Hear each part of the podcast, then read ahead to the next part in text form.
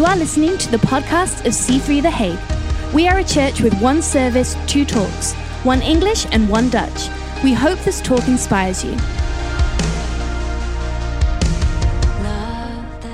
Uh, Romans 5, verse 1 to 5. These are five verses from the Bible. You can look them up yourself if you want.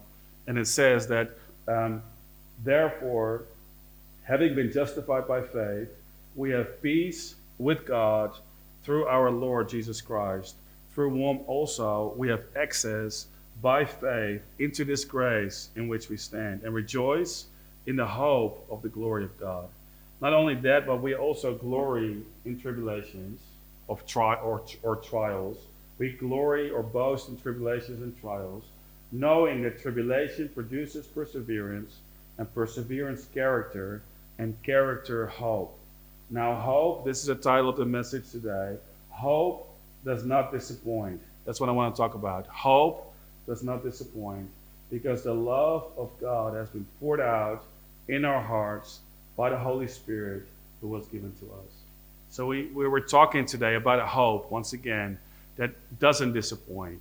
And um, my prayer is, is that this will really be helpful to us. As, as a matter of fact, I want to take a little moment to pray and then we're going to continue with this message. Let's just pray together, everyone. Let's just pray. Father, we thank you right now for your message of hope. Thank you that Paul said three things remain faith, hope, and love.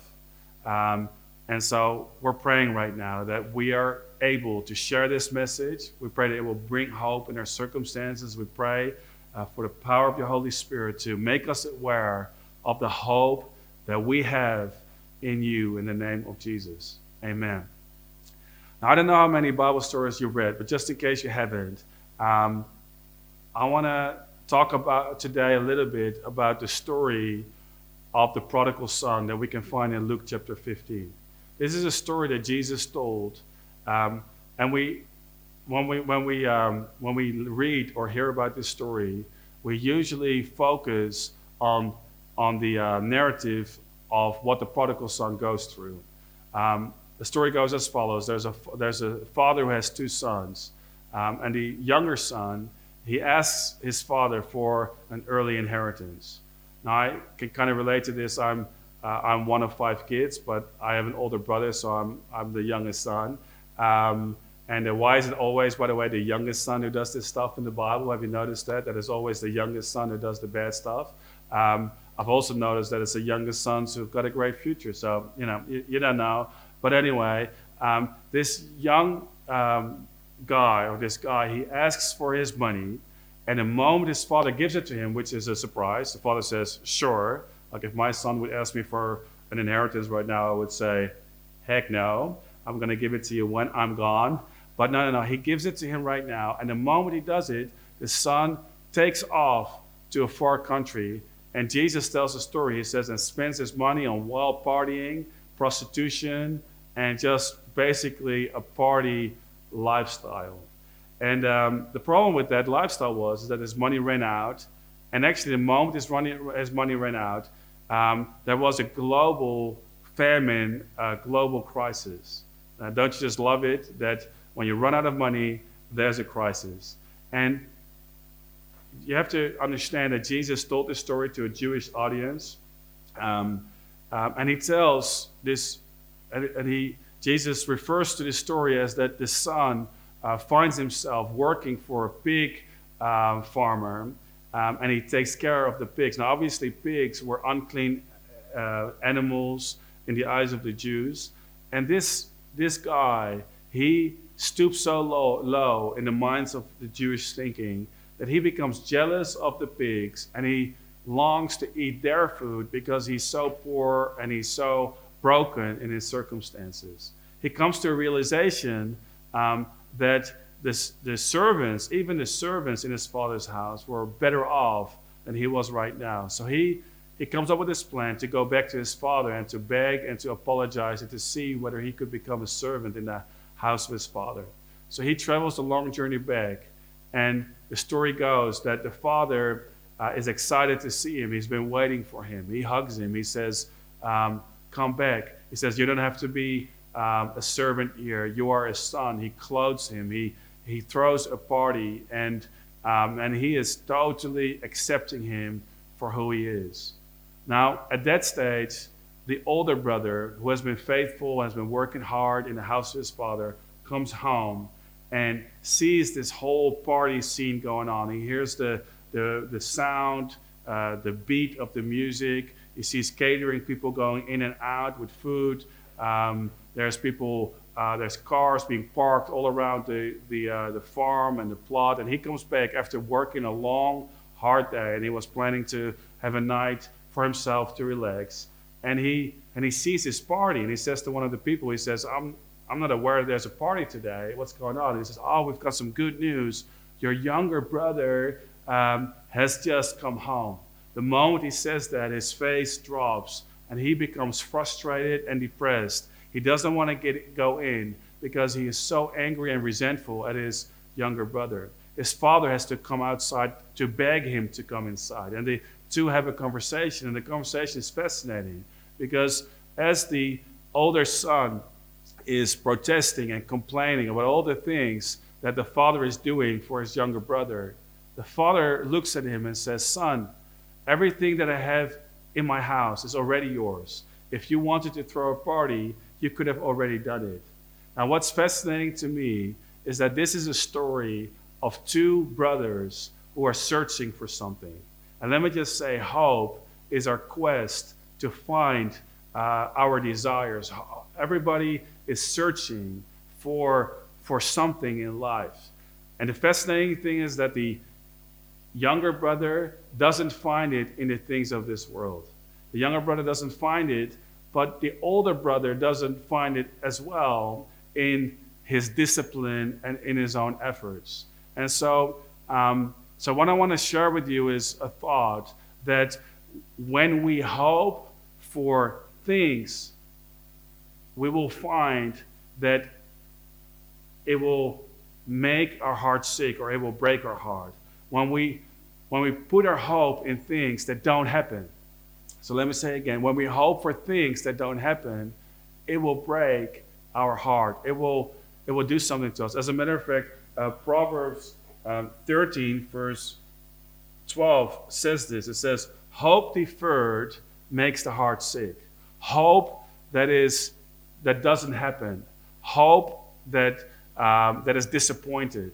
Um, it makes the heart sick but a dream fulfilled is a tree of life. Now, if this scripture tells us anything, it is that when we hope for things, when we hope for things and then they don't happen, it can break us. And this, this happened kind of in the story of these two brothers. The younger brother was hoping for things in his party life, and these things came and they went, and he found that he was disappointed. And this hope was a disappointment for him. He had to come back and he had to start all over again. But you know, the interesting thing, the story that sometimes we don't really um, read into this, is that the eldest brother was also hoping for things in his character, in his, you could say, in his religion, in his perseverance. Um, but we also find that he doesn't find the, uh, the hope that he is looking for. Now, we can, we can hope for all sorts of things. Um, uh, we can get disappointed in all sorts of things. Like uh, we can get disappointed in our relationships. We can, dis- we can get disappointed in our financial circumstances. We can get disappointed in our health, or we can get disappointed in our finances. The problem is, is that when we hope for things, when we put our hope, even in our circumstances that, that, are, that are currently constantly changing, when we put our hope in these things and then they don't happen, it actually affects us. It does something to us. But we're speaking today about a hope that doesn't disappoint. See, when you talk about hope and when you talk about God's promises to people, sometimes people can get a little nervous and, then, and they can go, well, hold on. We don't really want to get people's hopes up. We don't want them to start dreaming and then to get disappointed. But I want to tell you today that when we talk about the hope that we have in God, we're not talking about a hope in things. We're, we're not even talking about a hope in promises that will be fulfilled. We are talking about a hope that goes deeper than that because we are talking about a hope that doesn't, um, that is not reliant on any circumstances. Because this hope that Paul is talking about in Romans 5, this hope does not disappoint. This hope doesn't fade away. Because the thing to understand is that hope um, in itself cannot only be found in the things of this life. I want, I want you to think about this for a moment. This hope cannot just be found in, in, in, in, the, in the things of this life, it cannot be found in our circumstances. So, what do we do? Well, in a crisis, we find that it is somewhat easier to turn to God, to turn to prayer, to turn to start relying on the things of God and the things that, um, that have any virtue in it. But it is important to understand that it, oftentimes it is because when we do have stuff, it is the things of life that we attach our hope to. And when these things fall away, we find that our hope then finds a way. So, um, should we should we then keep looking beyond this life, and should we be focused then merely on on the outside, the, the life after death, and uh, the hope that is in the far future? Well, I actually don't really believe so because, as we see in the younger brother, that hope and things don't fulfill. We can also see in the older brother that just putting putting life um, uh, away to the future just putting your hopes, storing your hopes up and saying, well, it's for another day, it is for a better time. Um, extending your hope to, only to the future is going to find, just going to mean that you're actually not starting to live in this hope right now. And I want to tell you that hope for eternity, the hope that we have for eternity, which we're going to talk about a little bit today, is not a hope that we have to um, that we have to throw into the future. It is a hope that starts right now. This hope doesn't make us more naive, doesn't make us less aware of what is going on in our lives. Uh, this hope actually makes us more involved in the things of this world. Let me read to you a, uh, a quote from C.S. Lewis, a famous uh, writer. Um, he says this He says um, that if you, if you read history, you will find that the Christians who did most for this present world were those who thought the most of the next. He says, if you, if you, let me just read this again. If you read history, you will find that the Christians who did most for the present world were just those who thought the most of the next. As a matter of fact, he goes on in his book, Mere Christianity, and he says, It is since Christians have largely ceased to think of the other world um, that they have become ineffective in this, in this which is changing the world. He says this. He says, "Aim at heaven, um, and you will get the earth, the earth thrown in. But aim at earth, and you will get neither." What what are we saying with this? Well, what what C.S. Lewis is saying is that um, this hope of uh, the future, this eternal hope, doesn't make us any less um, um, involved in our current world. This is not a hope that, that makes us say, like the older brother, let's not be here in our situations. Let's just um, do our religious thing and wait for life after death. This is a hope that starts right now and that actually involves us in the things of this world. And um, I think that's quite interesting, uh, if you ask me. Let me end, as we wrap this message up, with a thought that I feel is important, and that is that um, the world around us, people around us, the world isn't searching for faith, but it is searching for hope. I want you to take a moment to think about that. The world around us is not searching for faith, but it is searching for hope. As a matter of fact, Peter, when he when he when he has a conversation with the church um, about sharing our, our faith.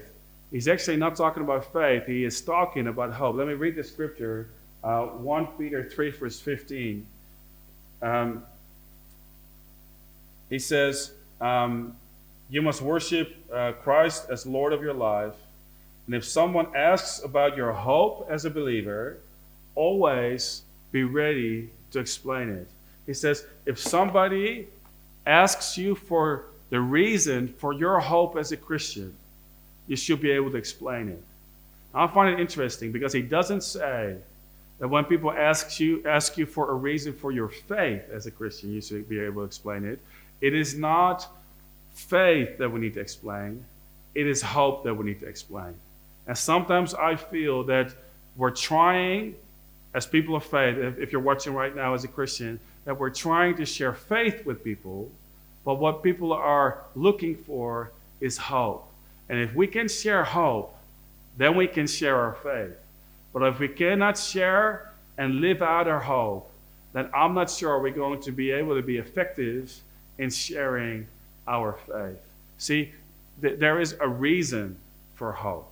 And we, we, we have to understand this. There is a reason for hope.